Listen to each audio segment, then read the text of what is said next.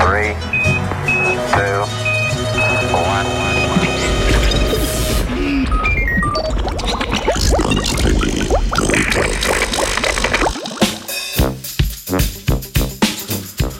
Plavanje ob robu bazena medu.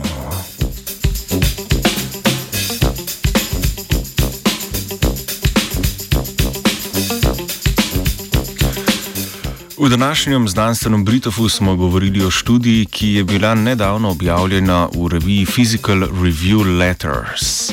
Nizozemska znanstvena skupina je raziskovala obnašanje mikroplavalcev v bližini stena.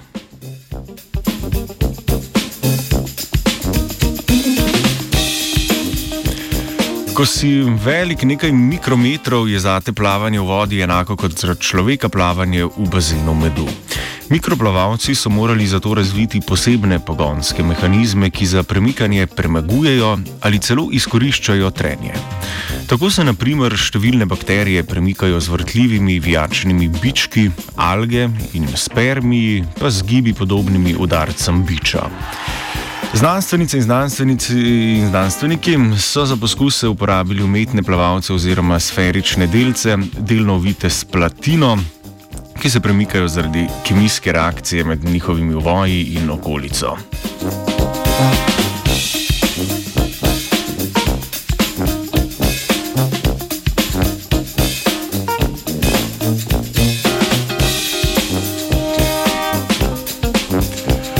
Dosedanje raziskave so pokazale, da se mikroplavalci pogosto kopičijo ob površinah, kar naprimer lajša širjenje bakterij, njihovo sodelovanje in privzem hranil.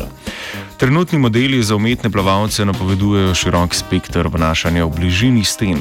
To vključuje tudi nekatere posebne vzorce, ki v drugačnih okoljih sicer niso mogoči.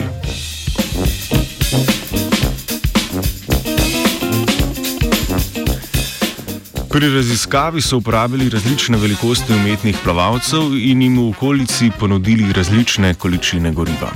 Znanstvenike in znanstvenice je presenetilo, da plavalci pri različnih vrednostih parametrov, neodvisno od koncentracije soli ali celo velikosti delcev, težijo k določeni oddaljenosti.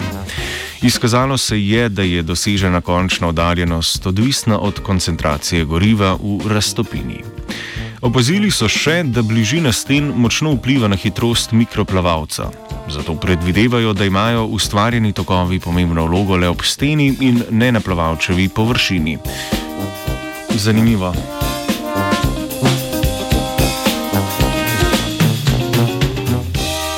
Izsledki študije predstavljajo pomemben prispevek k razpravi o izvoru mehanizma lastnega pogona. Njegovo razumevanje bo mogoče uporabiti tudi za vodenje mikroplavalcev v bolj zapletenih okoljih. V mikrosvetu je danes plavala vajenka Tina. Ne slišim, kaj praviš? Se greva kar direkt noter. Three, two,